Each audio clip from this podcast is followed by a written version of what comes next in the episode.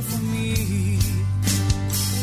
Beautiful Valkyrie waiting there for me. Beautiful Valkyrie waiting there for me.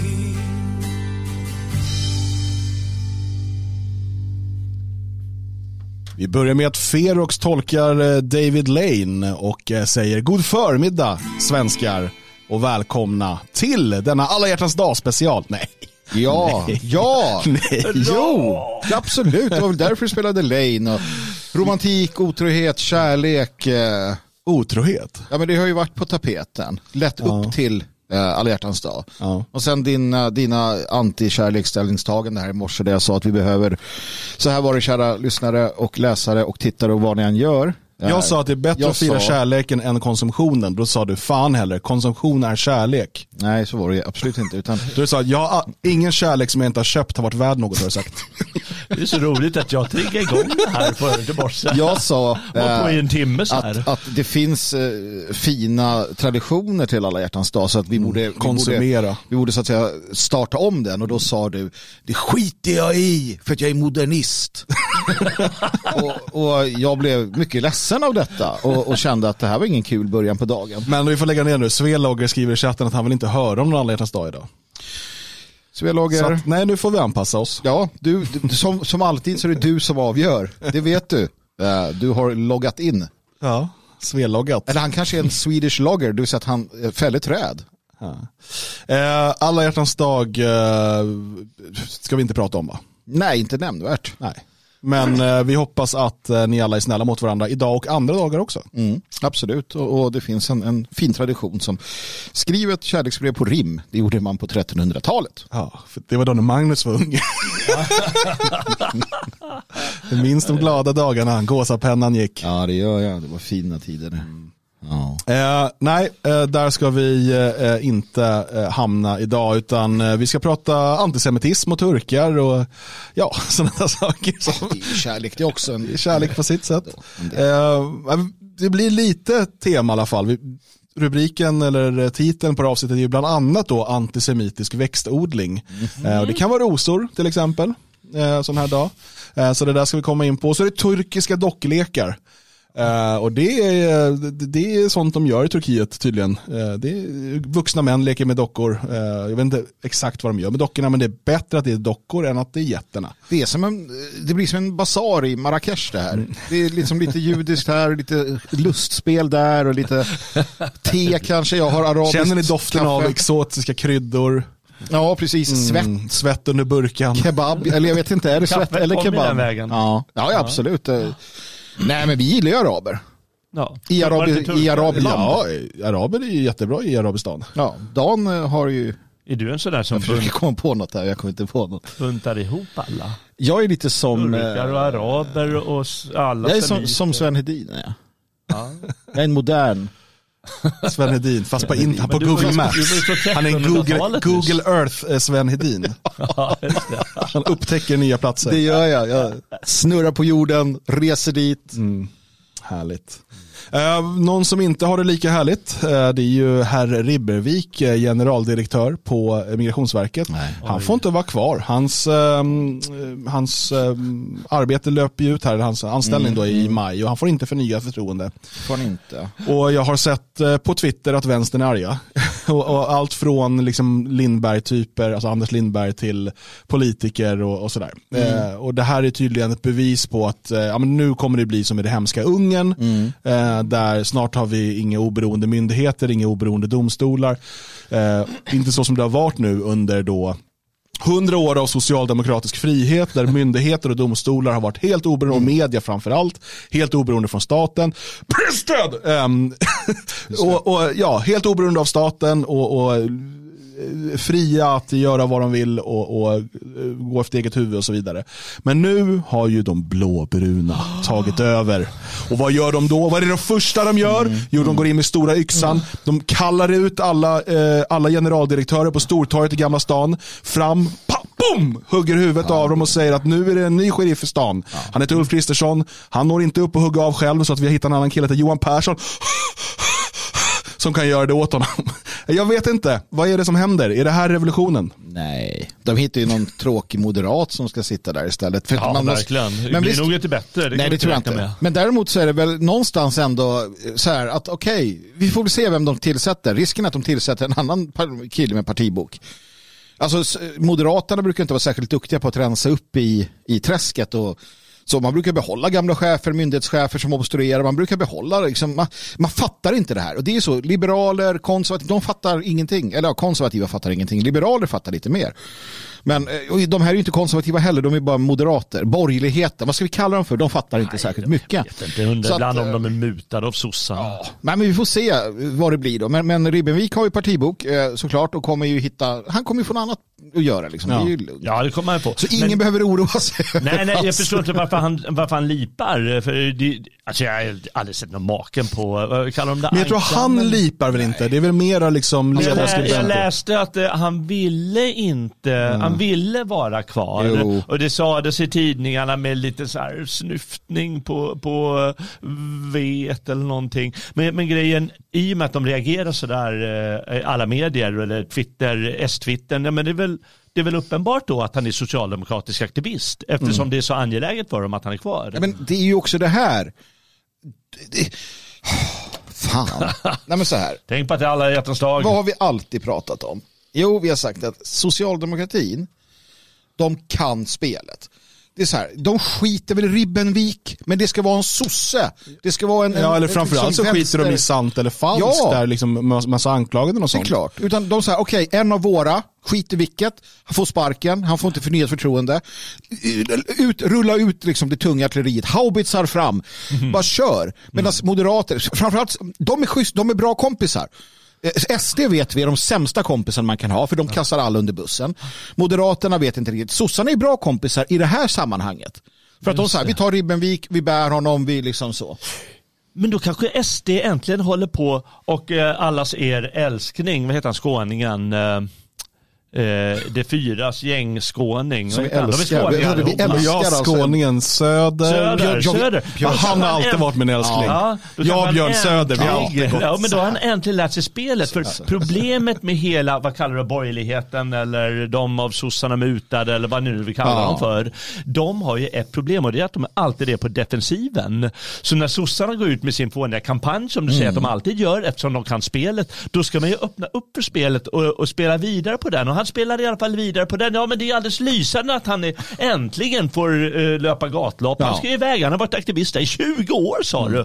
Det är ju bara leka den där leken. Och det är de så förbannat dåliga på. Ja. Eh, borgerliga och SD i någon mån. Det är bara vara på hugget Ja, så ja, fort ja, det kommer upp. Eh, Och reger- ja, regeringen har ju redan lovat honom att de ska se vart hans kompetens nu kan användas för att öka det internationella Ja, det samarbetet. en bra idé. Ja, men, men, men, och det det handlar också om ifrån eh, sosse, Twitter och sådär, det är ju att skapa den här bilden av det fascistiska maktövertagandet. Att det är ganska naturligt att vid ett regeringsskifte som dessutom pratar om ett paradigmskifte. Ja, det är bara ett, ett fint ord, det är inget paradigmskifte, men de pratar om det. Det är ganska naturligt då att byta ut myndighetschefer, speciellt när ändå hans anställning löper ut nu och han inte får då förnyat. Och då, eh, det är ganska naturligt, om så här, men vi ska göra 180 grader nu på migrationspolitiken. Så även om Ribbenvik är ett superproffs och han skulle klara det, att liksom vara, han bara, men då följer de här som ni har satt, då." så kan det vara vettigt, som också eh, migrationsminister Stenegard säger, att få in nya ögon eh, liksom på, och titta på det här direkt fräscht med de direktiven. Det är inget konstigt, men S-Twitter och liksom hela det här maskineriet, de vill bygga upp bilden av det fascistiska maktövertagandet, att liksom snart har vi stormtrupperna som kommer och, och hämtar små stackars oskyldiga judar eh, ur deras eh, små grottor eller var de nu bor någonstans. Och det det här är ju Va? Vänta nu, sitter det oskyldiga, Jag vet inte det var de sitter bor. oskyldiga judar i grottor. Jag vet inte, var bor annars de oskyldiga? Jag, jag vet inte, jag har inte sett dem. Jag undrar också vart de oskyldiga judarna är någonstans. Det kan vara att de bor i grottor, att Ribbenvik eller att Migrationsverket ska skicka ut stormtrupper. De heter, de heter Grottverket numera. De, Grottor. Jag vad gör de i grottor? Är det de där, ja, är det de där, är han, nej det var dvärgar det. Det är inte samma. Judar och dvärgar är inte samma sak. Nej. Nej, dvärgarna är goda. Ja. Åh, det kom, jag bara väntar. Hur, hur gör vi för att expo... Lehmann, Lehmann, Eh, Jag vet att din autism gör det här svårt för dig. Ja. Men det finns lager av, av skoj också i det här. Ja, man får faktiskt Men skämta också om. allvar. Judar. Och du måste lära dig att skilja på de här två sakerna. Ja. Vilket är sant, vilket är allvar och vilket är bara skoj skoj. Gör som Seinfeld. Ja. Skratta. Um, Okej, Ribbenvik lämnar. Jag vet inte, det finns inte så mycket att säga om det. Men jag bara såg att de, de är arga. Och det är så här, den som kommer, nästa idiot som kommer sättas på den här posten kommer förmodligen inte vara nämnvärt bättre. Tänk om du skulle få jobbet. Då skulle jag hålla det där emot dig. Ja, och jag skulle förmodligen inte vara nämnvärt bättre. Skulle, tänk att behöva jobba med alla de här sossiga aktivisterna på, på Migrationsverket. Jag såg också någon som jobbar på någon av de myndigheterna som var ute idag på, på Twitter också skrev att ja, men ni som tror att eh, vi liksom är aktivister, ni förstår inte hur myndigheter funkar. Vi följer de direktiv vi har fått och bla bla bla, vi är så proffsiga. Och jag, det enda jag tänker är att Ja, ja, absolut, jag tror att ni ofta följer de direktiv vi har fått. Men vi är alla människor och de eh, åsikter och liksom föreställningar och värderingar man går in i och går in med kommer såklart avspegla sig på sitt arbete. Det finns också rena aktivister som skiter i direktiven och istället hittar sätt att gå runt dem. Men framförallt så är det väldigt många som tror att de gör ett objektivt arbete. Men eftersom vi alla är människor med liksom egna föreställningar och värderingar så kommer vi göra en subjektiv bedömning baserat på det i olika fall. Och det kommer såklart få ett inflytande på politiken. Och in, inte nog med det, jag menar, både verken och akademierna och alltihop har ju marinerats nu i jag vet inte hur många år med den här PK-tokeriet och wokismen och alltihop. Så de tror ju ofta att ja, men det, det är det här jag ska göra när jag ger 100 000 människor ett svenskt pass. Och eh, de fattar liksom inte konsekvenserna längre. Nej, så är det. Så är det. Ja, eh, låt oss istället eh, gå in på dagens första eh, utav två eh, huvudämnen. Och det är ju den, eh, ja, vi har kallat det lite för antisemitisk växtodling och det är väl inte så långt ifrån vad det här reportaget handlar om. Men det finns så mycket kul att plocka i det här. Eh, och det här är då Svenska Dagbladet som, som har publicerat det här för några dagar sedan med rubriken Många säger, oj, jag trodde vi var så goda. Har vi hört det förut? Vad handlar det här om? Det är så svårt när man inser att, att, man, att, man, att man faktiskt är en förtäckt eller kanske, ja, jag vet inte, alltså presumtiv antisemit. Och, och det är vad det här handlar om. Ja. Eh, det har nämligen hänt någonting i odlar-Sverige. I ett Sverige som är alternativt, i ett Sverige som ställer om. Ett Sverige som tar ansvar. Mitt Sverige. Jag blev Ulf Kristersson här, kände jag nu. Det Vilken jag... kamera tittade du i? Jag tittade in det i en tittade här Det hade varit sinnessjukt att börja titta in i väggen. Jag började prata med en, en publik som inte finns. Ja, men en gång i tiden hade vi kameran där en borta. man som stod där, du och jag. Ehm, nej, men det här handlar alltså om omställningsrörelsen som är en, en eh, eh, vad ska man säga, en sån här friodlarrörelse. Man vill, man vill flytta ut på landet och må bättre och ha det bättre och liksom pissa på civilisationen och sådär. Och det de har insett nu det är att det finns tydligen nationalister som gör som samma tycker samma sak. Jaha. Och det är det här som har blivit knepigt för dem. Så svårt. Ja, och, Kan, kan vi läsa ingressen? och, och det kan vi absolut göra. Det står, eh, det står så här. Eh, eller jag vet, det här, Självhushållning, naturvurm och antisemitiska budskap. Det högerextrema inslaget från en miljöfestival har lett till kris. Kan miljörörelsen kapas av ekofascister? Ja. Ekofascister, vet du vad det är? Det är sådana här, fascister, fascister, fascister, fascister, fascister. Det är ekofascister. Nu, nu ska jag sammanfatta Gör det. själva strukturen i, i den här, he, hela komplexet, både artikeln och det som händer och så. Tack. Nu hörde vi ju här, kapas av ekofascister. Ja. Så vad de håller på med är en konspirationsteori. Just det. Ja, för det är förstås inte så att det kapas, men det är fullt av, jag kan läsa några stycken, kapas av ekofascister, ett brunt övertagande. Ja, Det vill man inte ha i trädgården. E- ekofascistisk infiltration. Eh, tagit sig in i olika gröna forum, inte minst under pandemin. Ja, det bara fortsätter vet du. Eh, ex- Högerextremister verkar ha återupptäckt naturen, göra fascistiska idéer mer rumsrena och så vidare. Va? Så där har vi det första. Jag ska bara ta några moment Absolut, vad som absolut. händer så vi vet vad som kommer, vad, vad, vad, det handlar om egentligen. Egentligen lite därunder. Eh, och vad gör man då? Jo, då är man mån om att skapa ett vi och ett dom om man är miljövän, kommunistisk miljövän då som de här aktivistiska miljörörelserepresentanterna är.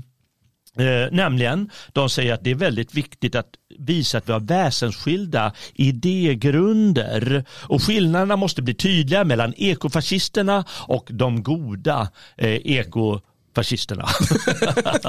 ja, och målet, eh, vad man gör i det ögonblicket, det är att politisera en rörelse som säger att de har åkt ut på landet för att föregå allt som händer politiken i Stockholm. Strunta i politiken, strunta i ideologin. Nu åker vi ut på landet och börjar visa vad man kan göra.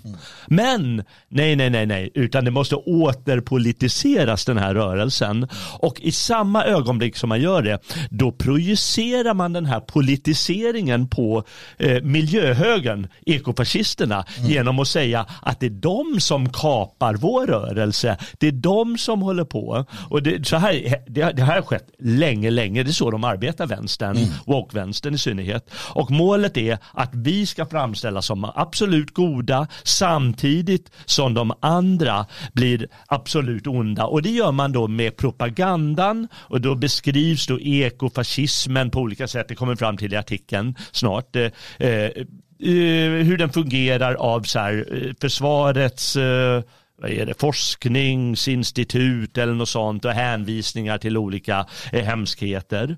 Eh, så då får vi veta vad de är och eh, samtidigt blir man givetvis korrupta. Som jag läste en artikel om eh, den första Greenpeace-chefen. Han visade att efter sju, åtta år då hade Greenpeace blivit korrupt. Mm. Genom att just politiseras. Istället för att eh, åka ut och visa dåliga eh, valjagare, då skulle man börja ta in, ja men vi kan tjäna pengar på det här. Mm. Genom att närma sig politiken. Och så sitter man i, i skiten ordentligt. Men mm. det är så det går till. Och det visar de hela tiden i undertexten här. Det finns en politisering av hävd i och för sig. Um, och det är det här som är intressant för att jag läser också då att man, man skriver så här extremhöger då som de kallar oss mm. och miljörörelse kan verka som en oväntad kombination. Och det kan den förvisso göra om man är dum i huvudet och helt historiskt efterbliven. Mm. För tittar man på det så är, alltså om vi tar naturromantiken, både som så kulturellt uttryck men också som ett praktiskt uttryck eller det vi kallar för blod och jord eller folkish, folklig rörelse eh, tillbaka till liksom rötten och så vidare. Det är en i allt väsentligt totalt eh, dominerad av nationalister eh, eller då höger om man kallar det för det. En sån rörelse, det börjar redan liksom på slutet på 1800-talet. Om vi, om vi tar det senaste uttrycket i Tyskland och Europa eh, där, där man ser modernismen kliva framåt. Alltså modernismen eller då eh, det här materialistiska maskinvärlden, det är ju vänstern, alltså kommunisterna, vänstern de vill ju ha detta, de vill ha de stora fabrikerna att, att, att vänstern skulle vara en miljörörelse är ren bluff. De är materialister, de skiter i vilket. De ska bygga stora fabriker och så vidare. Och så vidare. Så att det handlar snarare om att de en gång i tiden kapade den nationalistiska blod och jordtanken och gjorde den till sin. Och tittade också det är också på... det att nu när du säger vänster och höger, det kan bli väldigt svårt ja, för att alla lägger lite olika värderingar. För man säga, men höger är ju då kapitalism och då bygger man också gärna stora fabriker och effektiviserar och kanske struntar i miljön Precis. för att tjäna mer pengar och så vidare. Jag tror att du pratar om höger och vänster när vi pratar om Alltså det blir nästan metafysiskt. Alltså det, ja, blir, det blir en, liksom en, en, en, en, en världsåskådning på, på flera plan ja. eh, som skiljer den liksom materialistiska, det vi kallar för vänstern då. Mm. Eh, och, och, här slarvigt då för högern när vi pratar om en, en andlig eller en idealistisk eh, ja, för Det är verkligen här det haltar höger-vänster när man börjar titta på de här sakerna. Alltså snarare då nationalistisk för den höger vänsterskalan liksom efter franska revolutionen och så vidare, nej. den är ju grunden, det är en materialistisk fördelning av liksom dina, ditt materialistiska intresse. Ja. Um, så och, vi måste gå utanför den ramen. Ja, så att när vi pratar höger och vänster här, tänk inte moderater och sossar. Nej, verkligen inte. Verkligen inte. Nej, utan tänk då snarare liksom en tredje position i form av en, en, en antiglobalistisk, nationalistisk, eh, idealistisk rörelse. Och det är den som är, har alltid varit och kommer alltid vara eh, naturens så att säga allierade. För att man utgår ifrån naturen. Alltså man gör det till den grad att man, man, man konstaterar att de naturliga lagarna är Guds lagar och det är de vi ska hålla oss efter. Och för oss blir det också till exempel sådana saker som alltså det här med ras och sånt springer ju ur det faktum att naturen är väldigt tydlig inom alltså djurriket och annat vad det gäller arter och raser och härkomst och, och sådana saker. Och det har man ju bara tagit vidare. Så att nej, eh, de har inget anspråk historiskt på detta. Det har de Eh, absolut Det inte. har de definitivt inte. Utan de vill ha Sovjetkolchoser, fabriker. På tal om det så kommer jag att tänka på en, en, en bekant jag hade en gång till som bodde i ett så här invandrargetto. Eh, Eller det var mycket invandrare i alla fall, ett, ett, ett av de sämre områdena i Stockholm. Eh, som hade en sån här raskatt. Eh, och de lät inte katten vara ute. Nej. För att den var ju liksom en, ja, en, en hot, alltså den var ju en värdefull ras. Men de lät sitt blonda barn vara ute i invandrargettot. Precis. Ja, Det, det är som, eh, Oh. som islänningar som pratar om sin jävla lilla hästjävel. Och den är så viktig. Men att en, en isländsk kvinna skaffar barn med gud vet vad, det, det är inga problem alls. Nej. Nej, Dumhet. för, för, för, Hä- Deras återgå- hästar är mer värda än deras kvinnor. Det är de, absolut. För att återgå till de här stackars människorna då som, eh, som lämnade storstan Mm. och drog ut och visade sig att de var eh, värsta fascisterna. Radikalare än Hitler, det finns någon svensk bok som heter det. Göran Dahl har skrivit den. Folkirörelsen. Ja, precis. Och eh, eh, saken är att men de har ju lämnat politiken. Ja, och de. varför ska det åter in där?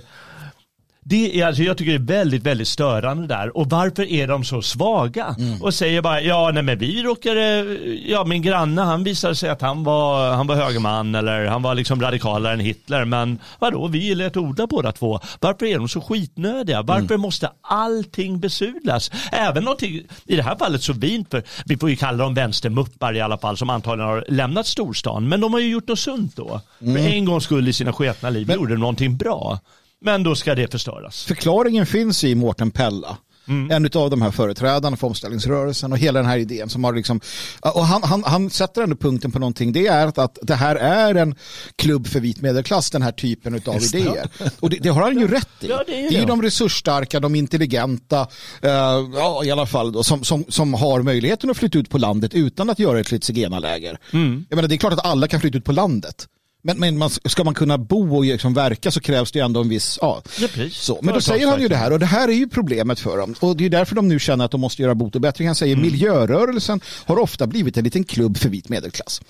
Och så tillägger han att det kan innebära en ökad risk för att rasistiska tankefigurer får fäste. Och här har vi ju hamnat i en mardrömsdiskurs som är liksom projicerad från, alltså går tillbaka till, till eh, de här eh, olika då sociologiska och andra idérörelserna som har liksom matat ut det faktum att vitt är ont. Och om vita män och kvinnor är ensamma med varandra, då blir det rasism. Ja. Då blir det antisemitism. Då blir det galenskap. Va? Eh, och då, det tror ju Mårten Pella. Därför har han varit noggrann med att jobba mot det här. Senaste gången de hade möte till exempel, då höll han en antirasistisk workshop. Och det är ju så här också, vad fan, ni ska Ja. odla för fan, ni ska lära er. Nej då, det blev en antirasistisk Alltså workshop. är det någonting som är viktigt i odling så kan det vara att separera arter och sådär och liksom Absolut. hålla isär och se till att de inte korsbefruktas och sånt. Ja, för att ja, om du vill precis, kunna ja. få det du vill ha. Eh, Så att han började hålla en rasistisk workshop. Verkligen, det borde Nej, de göra. ja, visst, och Hillevi Helmfrid. Fint namn måste jag säga. Hillevi Helmfrid. Eh, hon höll ett seminarium om ekofascism tillsammans med Peter Hagerroth. Varför heter han Roth? Det är för att han jobbar här. Det är som poliser som heter Kula och Dank och precis. Pistolnacke. Heter. Eh, nej, så att det har ju varit en kris här och det, allting handlar om att Exakt 24 hade ett inslag då från Hylla Myllan. Tycker jag är lite gulligt. Någon sån här, något sånt här uh, get together de har haft här. Och så vidare. Så. Um, nej men så att det har ju varit en kris inom de här, den här Visst. omställningsrörelsen. Jo, men då tar ju, då tar ju vad ska man säga, de politiska aktivisterna över. Mm. En sån är, eller ytterligare en, för du läste ju ett par där, har vi Hanna Pollock Sarnecki. Mm. Är Sarnecki eh, känner vi bekant? igen. Ja. Mm. Är, det, är det adeln här som gör sig Kan hörd? vara att Ja. hon känner en viss kriminolog. Ja, just det, precis. Och eh, hon håller olika föreläsningar. Här är till exempel en, antisemitismens avtryck och konsekvenser. Om man googlar henne lite, hennes namn, då kommer det bara upp liknande liknande, saker. Att ja, men här ska det här vi kallar antisemitism, det ska tryckas dit så att det blir tydligt inom den här rörelsen. Mm. Och att folk håller på med det lika mycket. För de här stackars, eh, stackars Helmfrid här, hon har ju gått hela, halva sitt liv. Ja. ja hennes pappa, hon var, hon var för, förvisso tysk under kriget. Han och var ju så. till Det och med var- nazist. Ja, precis. Ja. Ja. Men, men det, ja, hon kom ändå till Sverige så småningom Ja. och började odla hållit på i många, många, Ja. många år. Odla. Och sen så kommer någon och säger, eh, Helmfrid, vet du att du riskerar att bli antisemit? Vad som far Du har ju flyttat ut till landet. Ja. Och det här är intressant att just judarna är så arga på det här. Varför blandar man in antisemitismen? Jo, i grund och botten för att de är misslyckade jordbrukare. Alltså, den judiska, den judiska folket är en urban, alltså väldigt stadscentrerad, mm, framförallt gettoifierad, lump, eh, lump, det? Lump? samlande, bokförläggande. Heter det lumpsäljare? Nej, vad kallades det Ja, för? men lumpsamlare, lumpsäljare, absolut. Och faktum är att, att eh, jag menar, om vi, om vi tittar på det så, ja men, alltså så här, SS, alltså den tyska nazistiska organisationen SS. Va? Ta- Berätta mer om den. Ja, nej, men vi tar det sen. De hade, Aldrig talas om. de hade ett samarbete med den sionistiska världsrörelsen där man i Tyskland hjälpte judiska eh, judar, judiska judar, man hjälpte judar. SS utbildade judar i jordbruk för att skicka dem till Israel för att de skulle då odla landet. Alltså det, Det finns en koppling till det här med kibbutz och så kibbutzen, vidare. ja. precis. Det var ju en nazistisk, egentligen en nazistisk hittepå. Så här, okay, men vi lär er jordbruk. Vi tyskar är bra på det, vi har bloten boden och judarna sa, vad ska vi gå i jorden och hålla på? Ja, det ska ni. Det finns en fin medalj med hakkorset på ena sidan och Davidsstjärnan på andra för de som klarade utbildningen. Och sen fick de flytta till eh, till Israel för att det var den slutliga lösningen på judeproblematiken. Det fanns ju en jude som skrev en bok som hette det. Det var ju inte tyskarna som hittade på det. Det var en jude som hittade på att vi måste ha en slutlig lösning på judefrågan. Ja. Och tyskarna kom överens med, med världsjudendomen om att lösningen är att vi ger er allt ni behöver för att flytta till Israel, Palestina eh, och, och odla det. Så att man SS, nazisterna gick runt i SS-kläder och heilade medan judarna stod och lärde sig det här. Det var den, det var, man samarbetade, judar och nazister samarbetade. Ja. Det gick inte så bra. Gud vad du spelar kontra Edis. Nej, nej det är fel. Vilka spelar du händerna nu? Jag vet inte. jag, jag säger bara sanningen. Och det som händer är att judarna är skitdåliga på att Ja, odla. på Och det är där resentimentet kommer. Men det, men det som är bra nu i Israel det är att så fort de inte klarar av att odla mer då kan de bara ockupera lite mer mark Precis, där det redan finns precis. odlingar. Tills det inte funkar Ja. längre och då bara ah, vi måste ha mera mark. För araberna, de är jätteduktiga på att odla oliver och vad de nu odlar. ja, det är framförallt oliver. Men i alla fall, där kommer resentimentet och därför är det antisemitism. För att de hatar det faktum att de är dåliga bönder. Ja, Men vad fan ger de, vad, vad spelar det för roll för dem? De bor ju i stan. Måste Ja. de eh, anklaga de här stackarna som bor ute på landet då? Ja, Men tänk dig om en massa, eh, massa eh, europeer och germaner skulle flytta ut på landet och bli självförsörjande. Det skulle ju inte vara bra för de här urbana människorna. Eh, om, om vi liksom hade småskaligt och liksom inte höll på att köpa deras eh, halvfabrikat och färdig mat och gå på restaurang varje dag och leva kafélivet. Sådär, utan Ing, ingen får lämna follan. Tänk om, Men skogs, tänk om en mans värde avgjordes i skogsägande och förmåga att odla sin egen mat. Vad fan, då får de inte, då finns, de urbana kommer ju stå där med kuken i handslak och inte kunna få en enda brud för att alla tjejer springer ut på landet. Nu så är ju, nu är det ju centrerat kring, det är centrerat kring gettorna, det är centrerat kring det urbana, det är det som upphöjer mannen, Just det. den som kan leva i den världen. Okej. Alltså är det livsfarligt om vi får tillbaka den, den forna liksom, idén om det, eh, det, det agrara och det här. För det är där vi accelererar. Vi, Och framförallt ska jag säga, inte bara det agrara, utan eh, den, den här eh, mannen eller familjen som står på egna ben, som är självförsörjande, som Japp. klarar sig Japp. utan, utan staten eller utan jätteföretagen eller så. Eh, är bara att titta på de här Monsanto och liknande som förbjuder, man förbjuder utsäde utan att det liksom går via, eh, via Monsantos eh, grödor och så vidare. Man får inte använda sitt eget. Eh, och så, alltså, allt det här som sker för att man, in, man ska absolut inte bli självförsörjande. Nej. Nej, men det är bra att du säger det här med resentiment och så. För vad jag retar mig på i första hand, det, det, Ja, det har ju med Sanetsko alla att göra. Men det är ju inte i första hand att de ger sig på de här, eh, låt oss kalla det vänstermupparna som har flyttat ut och därmed blivit kapade av ekofascisterna och de har varit naiva, de trodde att de var goda och så vidare. Mm. Utan då att de i andra hand ger sig på alla, till exempel du. Ja. Eh, Nu odlar ju inte du, men Nej. låt oss säga någon annan i gänget här. Ja, du vill odla. Som har flyttat ut på landet och faktiskt ägnar sig åt det. Ja. Och helt plötsligt ska han via eh, de här stackarna som flyttat ut på landet Mm. och han blir då skyldig till det. Ah, Han har bara flyttat ut på landet och, och nu ska jag prova på det här med odling och alltihop. Och han blir liksom anklagad, liksom meningslös Mm. gyttja som det här ändå handlar om. Det är ju alltså idioter som skriver för idioter blir det och så har vi stackarna varit tvungna att ta tag i skiten. Men det är väldigt farligt Michael. Eh, för att om man tänker så här. Um, um, kolchoserna, eh, vi hade kulakerna, vi har en idé. I Europa pågår ju en nedläggning av allt eh, jordbruk. I Holland, Sverige och så vidare. Det är så att bönderna ses som, markägare, bönder ses som vad? Onda. Alltså alla bönder är implicit antisemiter. Alla bönder är, man ska vara, man ska vara vaksam mot odling, mot allt det här. Och för det är ju förlängningen, det här är ju förlängningen ett underbyggande av en ny, ett nytt mord på kulaker. De självägande ska utrotas. Men, men eh, jag tycker också i den här Svenska Dagbladet-reportaget, så man, man slänger ur sig saker hela tiden utan att underbygga dem med någonting. Eh, vilket kanske är typiskt för Svenska Dagbladet generellt sett. Men, men som det här.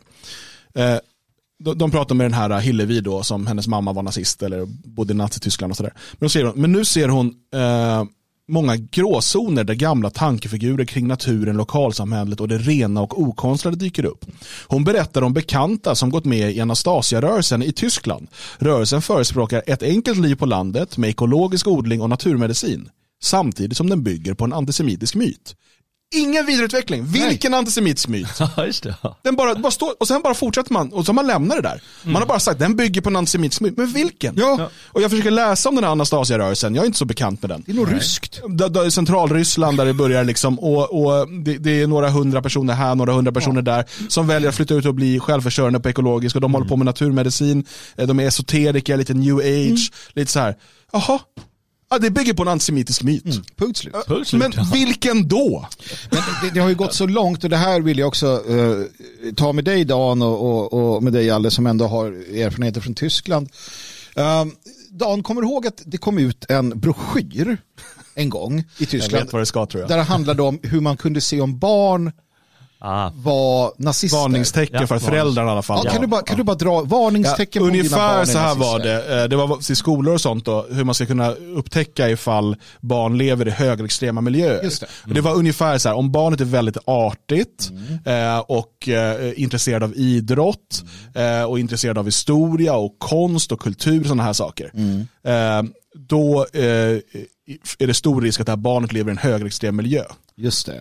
Just det, för tyskarna är duktiga på Ja, men det var verkligen bara så här, posit- Ja, så här positiva saker. klädde sig så här Ja, och, ja precis. Inte, välartat liksom. Ja, så här, kanske klär sig lite mer vuxet och Ja. inte i så här, eh, liksom, sportkläder som, Mm. som ungdomar kanske klär sig.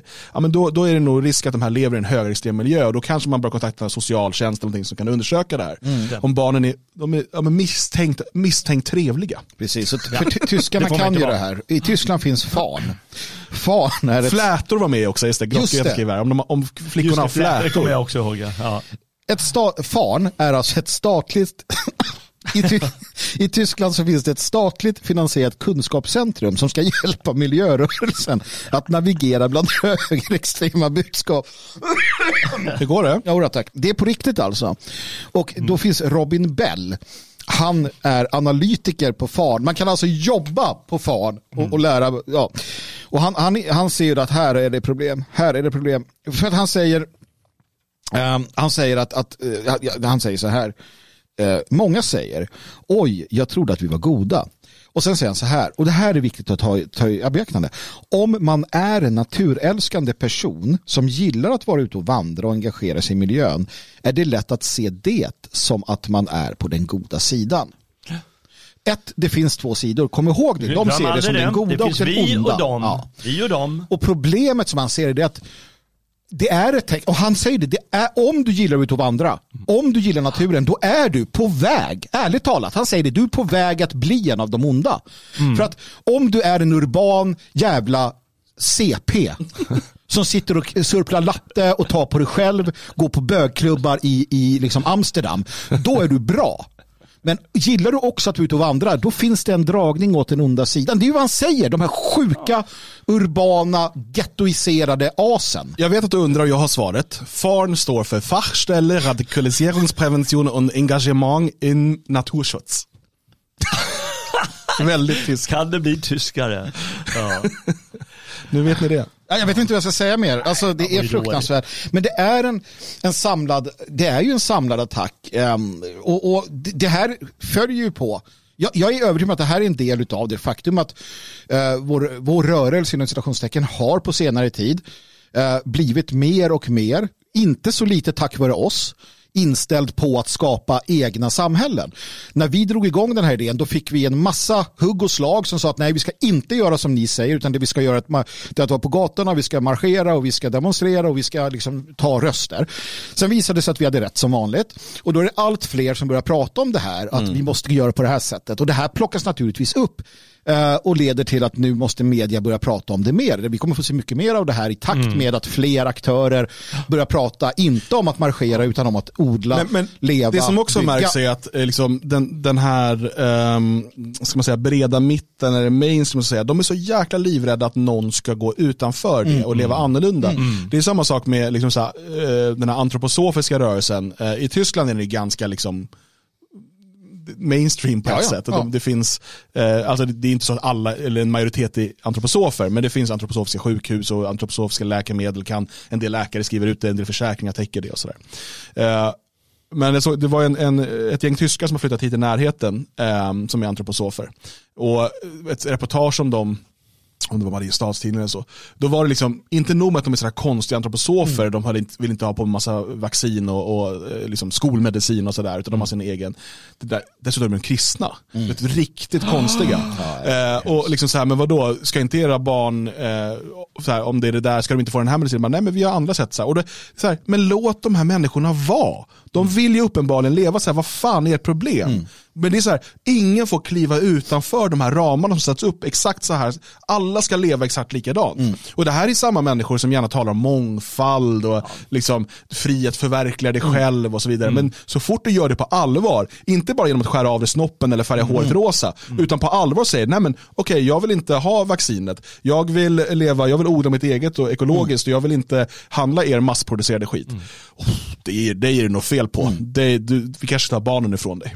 Just det. Nej men absolut, för de har ju, de har ju ofta en annan ingång. Jag, jag känner, liksom känner till och känner en del som lever enligt de här principerna. Många av dem, det finns charlataner och det finns eh, liksom CPN inom alla rörelser, men många av de här är ju sådana som att Alltså, eh, om du får en allvarlig sjukdom så, så är de inte, de är inte liksom främmande för att söka skolmedicin heller.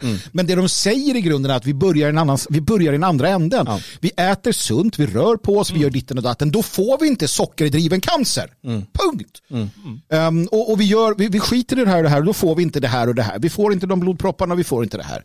Men om vi på grund av det jävla pissamhälle vi tvingas leva i och all skit vi andas in och, och dricker vatten med vad fan det nu är som vi inte kommer undan och får en sjukdom. Ja, då försöker vi på egen hand för det finns sätt för kroppen att läka sig själv. Den har gjort det i år miljoner. Mm. Men funkar inte det, nej men då går vi och får lite terapi från, från läkaren. Han skjuter in någonting i oss eller fixar något och så kan det lösa sig. Oftast så, så kanske det gör det eller inte. ska- Det är ju så de tänker. Det är inte så att så här, min son har fått en, min son har en, en cancertumör i hjärnan som gör att han kommer dö om vi inte tar bort den. Vi ska försöka ge han stenmjöl. Nej, nej, nej. Så funkar det ju för fan finns, inte. Det finns ett fåtal Ja, ja, sådana människor. Men det, så Det finns alltid CP. Ja, Mm. Nej, men då ska jag säga att de är faktiskt ännu taskigare de här eh, som Hanna Pollack eller vad hon hette, Sarnecki och dem. För det är inte bara att de vill komma åt den här tredjepartsmänniskan, den här kristna människorna eh, som, eh, som bryter sig loss från staten och lever sitt eget liv. Utan de vill infiltrera hela miljörörelsen. Ja. För att de får, tänk om de kommer bort från det här woka, tänk om de kommer bort från det här mm, eh, vet det, vetenskapsmedicinen eller industrimedicinen, tänk om de kommer bort från det vi lär ut oss, som du säger, i storstaden dagen. Det är ju livsfarligt. Det kan bli en motrörelse inom vår rörelse. För absolut inte hända. Alltså vilka jäkla skurkar Nej, de är. Det är ju så nämligen. Och de har rätt någonstans. Om du är en normal människa som flyttar ut på landet, börjar odla själv och sen så ska du säga, ja men låt oss sätta eh, tomater. Och sen bara, ja, vi köper de här tomaterna. Sen så säger ja nästa år måste vi köpa fler tomater. För att våra tomater är alltså gjorda så att du inte kan plantera om det. Ja, ja. Ja, utan du måste då köpa nytt frö. Men sen så kommer någon och säger, men jag har ett frö som är magiskt. Det här fröet, det går nämligen, den här tomaten kan du plantera om, för det finns sånt. Och då säger systemet, ja men sånt där gillar vi inte. Alltså man, man jobbar ju medvetet med att försöka döda all form av möjlighet till självförsörjning och liknande. Och har du varit här tillräckligt länge i den här rörelsen, då ser allt som händer. Alla pålagor, alla miljöregler, alla ba alltså bankerna, allt det här. Till sist så börjar det bli, ja, fan i mig, blot ont båden. Du blir nazist. Ja, det blir du ja. Och de har rätt i det. Du blir nazist av att bo på landet eh, och, och liksom ta hand om dig själv. För du, upp, du, du märker en styrka inom dig själv. Du, du börjar ju till sist så här, ja, men, men det, och det här som Knut Hamsun och de så fint gestaltar i Markens gröda och eh, Jack London i sina böcker, den här, eh, liksom, som en del av den rörelsen på 1800-talet. Och det, här är, det här händer nu. Det är 20-tal, det här händer igen. Och eh, jag vill passa på att säga där att när det gäller till exempel, du sa Jack London och Knut Hamsun, att Ja. den ena är ju mer socialistiskt lagd, Jack. London, och, och Knut Hamsun är mer nationalistiskt Ja, lagd. Alltså det finns ju i båda läger som Precis, du säger, det är precis. helt naturligt nämligen. Men de hatar det. De hatar, hatar det. det. Ja, de hatar det. De hatar att vi kommer samman i det naturliga. Ja, i det och naturliga. förkastar Bra det materialistiska. För det var det som Jack London också sa. Ja, jag är socialist, men jag är först arier. Ja, just det. Där har du. Så enkelt kan det vara. Eh, ska vi tala om fler skillnader mellan arier och andra? Det kan vi göra. Ja, eh, och då tänker jag att vi ska ta en utgång, eh, utgångspunkt i eh, Mikael Yüksel eh, och hans senaste upptåg. Ehm, det var ju väldigt kul när han annonserade ut här att han skulle han skulle då hänga två dockor föreställande Jimmy Åkesson och Johan Persson. Eh, och han, jag vet inte vad han förväntade sig, men jag, jag såg sen att eh, Boris Benulic från Morgonposten, han var på plats under den här manifestationen och live-rapporterade. Och jag vill att vi ska gå igenom den här live-rapporteringen och så kan vi prata om det här fenomenet i sig. Och då får vi börja med liksom hans, eh, han sätter scenen först. Och då låter det så här. Allt sedan en docka föreställande Turkiets president Erdogan hängdes i Stockholm har Mikhail Yüksel och hans parti Nyans klagat på att svenska myndigheter inte ingriper mot vad Yüksel ser som en skändning av en demokratiskt vald ledare. Inte har Yüksel och hans parti, liksom andra muslimer, blivit mindre ilskna över att polisen gav tillstånd till Rasmus Paludan att elda upp Koranen framför Turkiets ambassad. Yüksel och andra muslimer kräver inskränkningar i den svenska yttrandefriheten och att koraneldande och handlingar som hängningar av dockor föreställande potentanter som Erdogan förbjuds. Hittills har de mötts med stor förståelse av en del svenska politiker som fruktar att Erdogan ska fortsätta vägra släppa in Sverige i NATO. Men inga löften har ännu avgetts om ändringar i lagar och regler. Därför har Yüksel kommit på en idé som säkert möts med applåder på kaféerna i orten. Hörrni, vi hänger dockorna som föreställer Jimmie Åkesson och Johan Persson. Då kommer svenskarna bli ledsna och för att slippa uppleva det igen så kommer de förbjuda att man förolämpar Erdogan och eldar upp Koranen. Så nu har Yüksel med vänner tillverkat två dockor som idag ska dingla på Mynttorget i Stockholm. Han bor numera i Botkyrka och det är möjligt att ABF i den kommunen ordnat en kurs i docktillverkning för att Yüksel ska kunna få lite extra bidrag. Vi får se om de också ordnat en kurs i hur man gör en löpsnara. Eller så tänker Yüksel göra det lätt för sig och köra med samma knutar som man gör när han knyter skorna. I sociala medier har han stolt förevisat dockorna. Och då, i videoversionen kan man nu se dem.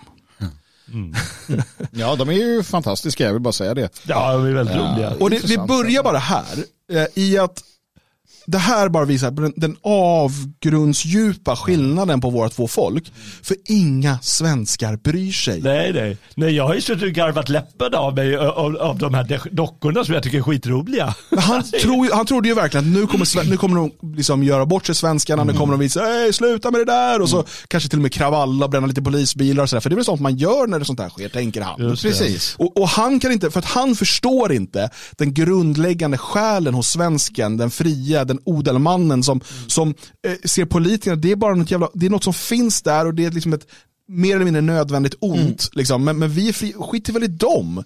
Du får väl, du får väl kasta pil på liksom en bild föreställande Annie Lööf, eller så här, även om man röstar på henne. Är så, fan, skiter väl i det. Medan eh, han är ju ett folk, han, är ett, han tillhör ett slavfolk. Alltså, han, han, han har en slavmentalitet. Erdogan min stora ledare, man får inte göra dumma saker mot honom. Vet, Han, han, han har ingen känsla för frihet, för den, alltså den, den, det sättet som vi ser på oss själva och vårt förhållande till våra ledare. Också historiskt sett, eh, som, som vi germaner har.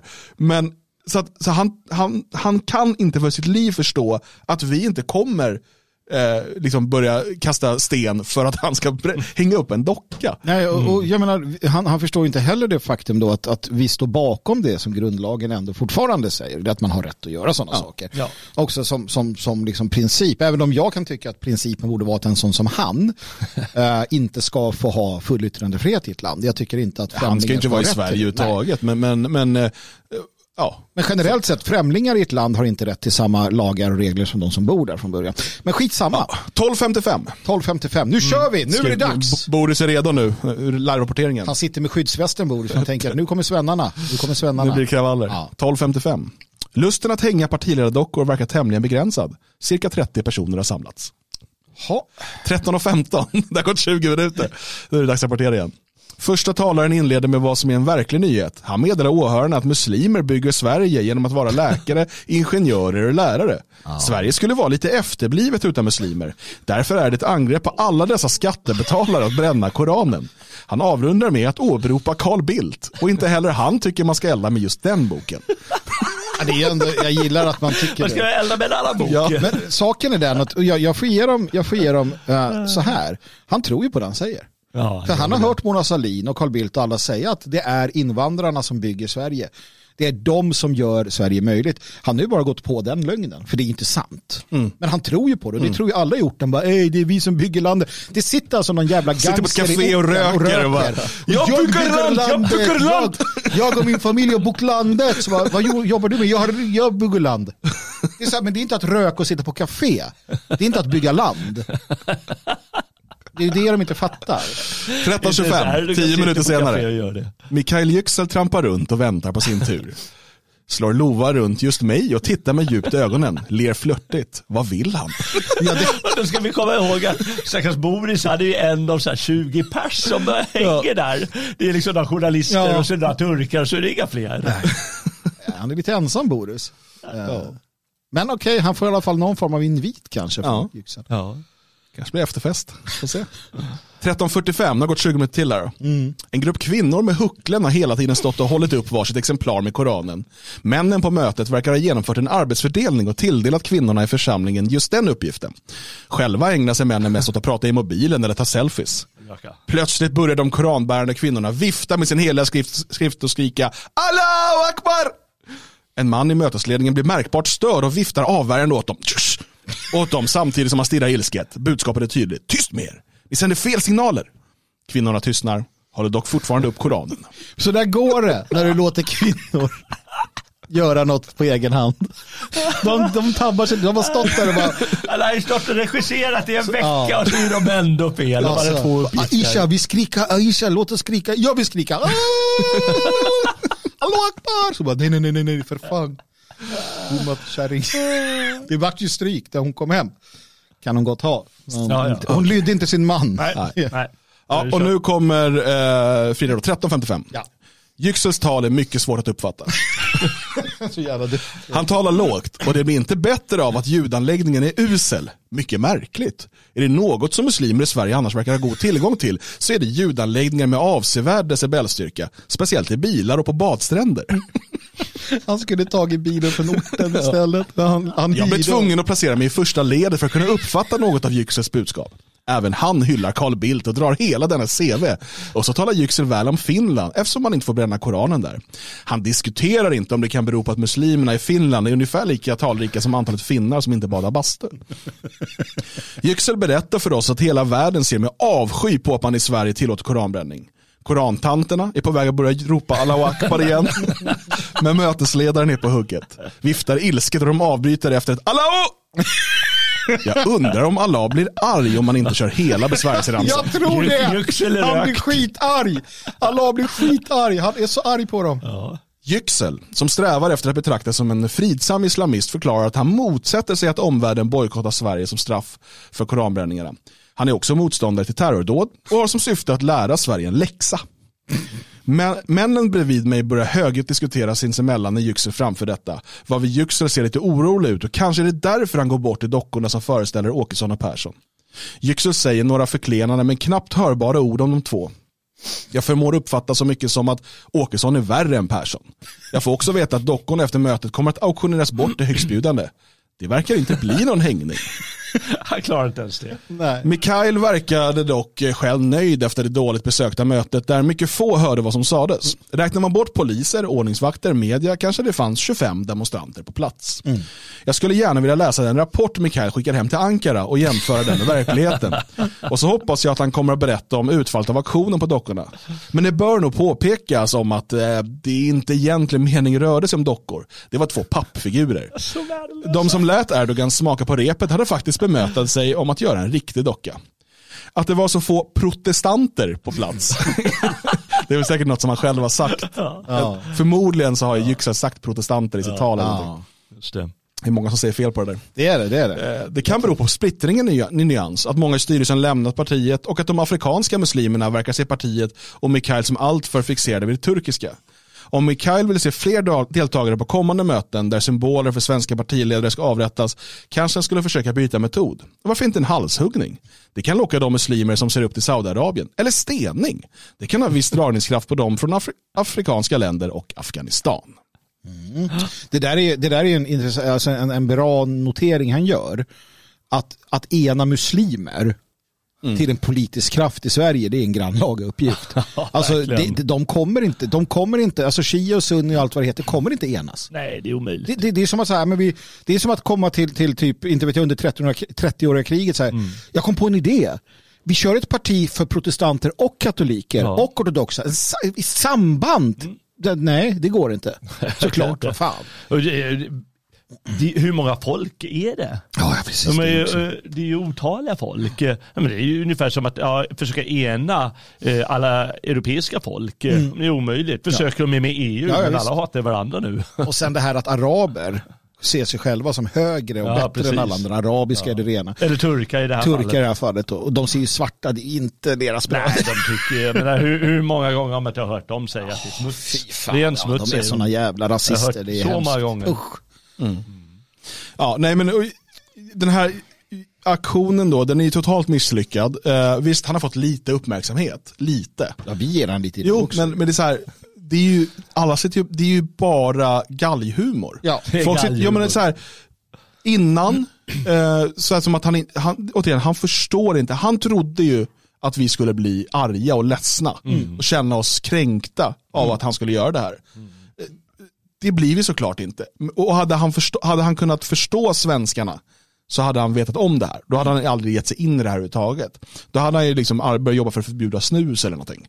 Det är ju sånt som folk blir arga för. Ja, men precis. Men, men, men det här är ju det är liksom ingenting. Nej. Och, så, så, så det är det ena. Och sen då själva eventet i sig. Han lyckas inte få dit något folk. Han lyckas inte hänga Eh, dockorna. Han förklarar sen att nej men jag skulle aldrig hänga dem. Det var bara ett sätt att liksom göra en poäng. Jag tycker inte man ska göra sånt. Jag är en god människa. Okej. Eh, så, så han misslyckas med aktionen. Eh, de kan inte ha ett ordentligt ljudsystem. Alltså allt är bara dåligt. Kan vi bara begrava diskussionen om det här nyans? För jag såg inför valet och även efter valet folk som sa att nyans är det, det, är det farligaste hotet mot Sverige. Är det det här som är det farligaste hotet mot Sverige? Då kan vi ta semester. Ju. Ja, nej men precis. Och, och det är det ju inte, och jag vet inte om, om Yüksel helt enkelt bara är en, en avlönad agent för Turkiet och han, han ska bara hålla på, hålla på och härja lite och det är hans liksom födkrok. Eh, eller om han tror att han har någon så här förmåga som ska ena muslimer muslimerna i sådär. Men för det kommer inte hända. Alltså det, det kommer inte hända. Shia och sunni kommer inte enas i Sverige. Så är det bara. Eh, för de enas ingenstans. Nej, nej. De slår ihjäl varandra. Ja, ja, precis. Ja, men det syns ju även inom eh, Centerpartiet med deras dåraktiga val av en eh, muslimsk eh, partiledare. Ja, men det sjunker ju direkt ytterligare ett par procent. Så är det ju. Nej, så att framtiden, sen- vet jag inte, han har väl, problemet för Yüksel är också det att han har, alltså av att bo i Sverige blir du såklart påverkad. Eh, och han har blivit, jag tror att han är, han är på tok för vek, alltså för modernt försvenskad för att kunna vara en härförare för nyanlända muslimaner. För att det här han håller på med, vi hängde dem inte. Hans egna anhängare, vad fan säger du? Det är ju klart att det är jihad, vad fan? De blir ju skitarga, han, han, har inte, han kommer inte bli långvarig. Eh, tror jag på det sättet heller. Han kommer inte ha, för då följer ju någon imam som vågar hänga dockjävlarna. Nej. Sorry, Nej, alltså, Ja.